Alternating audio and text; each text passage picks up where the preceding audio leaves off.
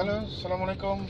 Selamat pagi Bapak dan Ibu Rekan-rekan eh, Di mana saja sudah berada Yang mendengarkan podcast saya Di hari ini Tanggal 29 April 2020 Tepatnya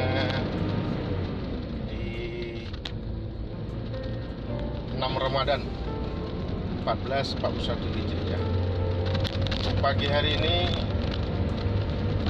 mengawali saya aktivitas harian eh, menuju kantor sambil nyetir. Eh, kemarin sudah walking from home, ya, sekarang saya walking from office karena kegiatan kita sih kebanyakan di lapangan karena saya bekerja di bidang pertanian saat kita sedang memasuki masa musim tanam pertama tahun 2020 tahun 2020 untuk kegiatan eh, perbanyakan benih di kantor saya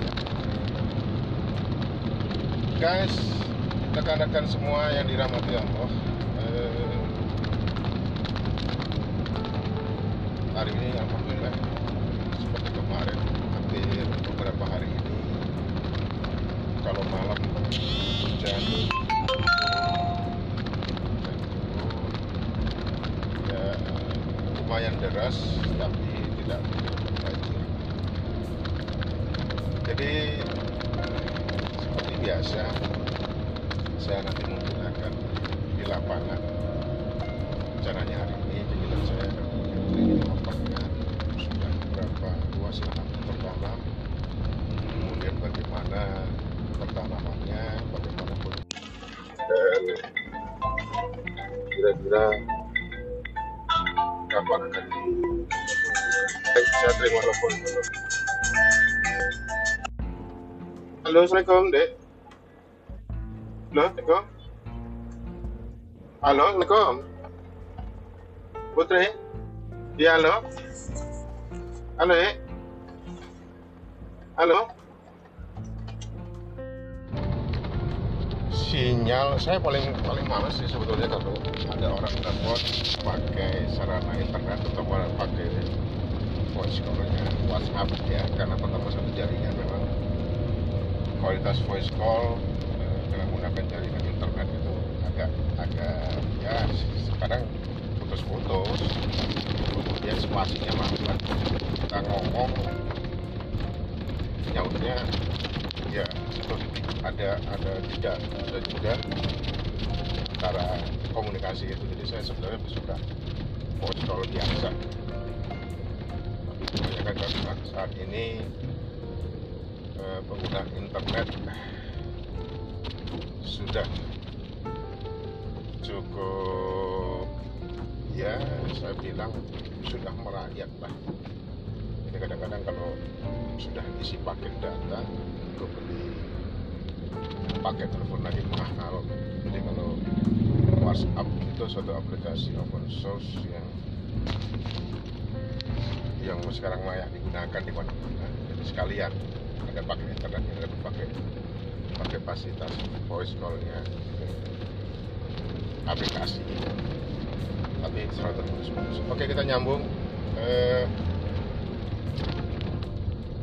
working from home sebenarnya bagi kami yang di lapangan eh, untuk kegiatan petanaman ya petani tentunya tidak tidak berlaku. Jadi alhamdulillah pertanian kita saat ini Pak Menteri sendiri sudah sudah menyatakan bahwasanya sampai dengan Lebaran dijamin eh, tentang ketahanan pangan kita dari stok pangan itu semua berkat petani petani ya ya mereka dibilang masalah pandemi corona ini mereka tetap menjaga kesehatan ya. cuman tidak mungkin mereka tidak bekerja tidak mungkin mereka harus berada di rumah terus artinya kalau di dunia pertanian istilahnya jaga jarak itu ya sudah pasti kalau di bekerja di kantor tentunya jaraknya ya paling spasi satu meteran atau dua meteran kecuali yang punya ruangan tersendiri. Tapi kalau di dunia pertanian ya personal distancing itu tentunya cukup jauh. Tidak ada ini yang penting. Eh, masalah pandemi corona ini sendiri bukan hanya eh, memberikan pembelajaran bagi seseorang tapi semua kita semua manusia Indonesia biasanya pentingnya menjaga kesehatan pentingnya menjaga kebersihan. Ya, kita kita yang muslim tentunya siap sekali ada dengan bersih. Sholat lima waktu mengambil wudhu. Kalau sholat juga harus menggunakan pakaian yang bersih suci dan najis dan bisa dengan sedikit puasanya ya. Sebagai seorang muslim kita beribadah kita bisa kesehatan kita dan saya yakin semua orang everybody uh, right now is keep clean jaga kebersihan dan pemerintah. Sadar akan kesehatannya sendiri. Saya ada beberapa hari yang lalu ngobrol sama kawan-kawan. Ya sahabat bahwasanya semenjak adanya pandemi corona ini alhamdulillah sudah mulai tobat. Sebenarnya belum tobat sih sudah mengurangi jatah rokok. Ya. jadi saya bilang ini karena bulan Ramadan ya puasa biasanya kalau orang merokok kan agak agak dikurangi tentunya kan? Paling satu hari ya.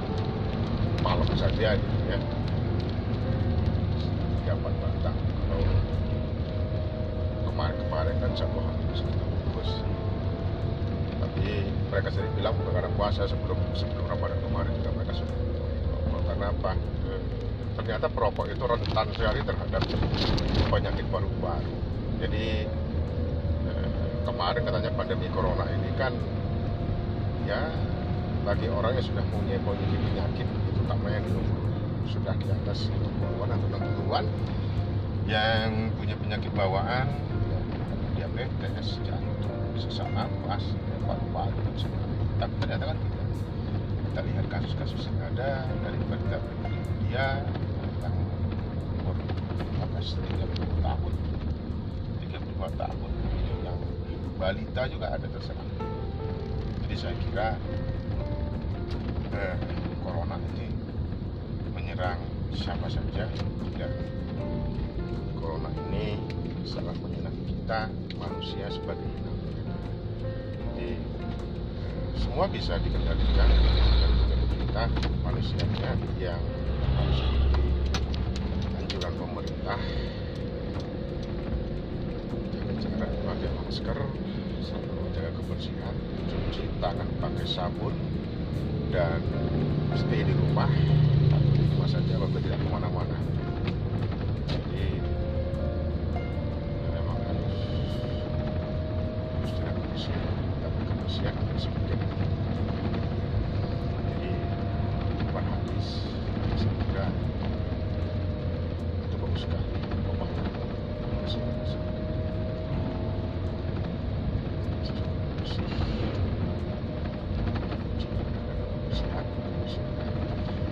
Lanjut lagi ke petani. Petani adalah pahlawan pangan di tengah pandemi corona seperti ini. Tentunya peranan petani sangat besar sekali. Bagaimana sekarang ini musim tanam padi tidak terkendala oleh karenanya corona. Petani tetap tanam namanya sayuran, bahan pangan, buah-buahan.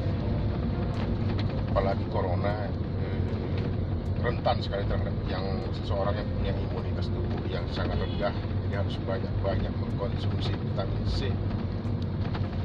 Jadi vitamin C ini ada dari buah dari sayuran dan itu siapa yang produksi adalah petani sayuran pada katanya buah pisang ya, pisang itu ternyata mengandung vitamin B6 yang meningkat, dapat meningkatkan eh, vitamin B6 dan meningkatkan imunis imun seseorang seseorang. Karena di dalamnya ada vitamin B6 dalam pisang. Pisang buah murah sebenarnya tidak perlu mahal-mahal. Ya tidak perlu buah-buah impor banyak sekali di pasar-pasar. Ya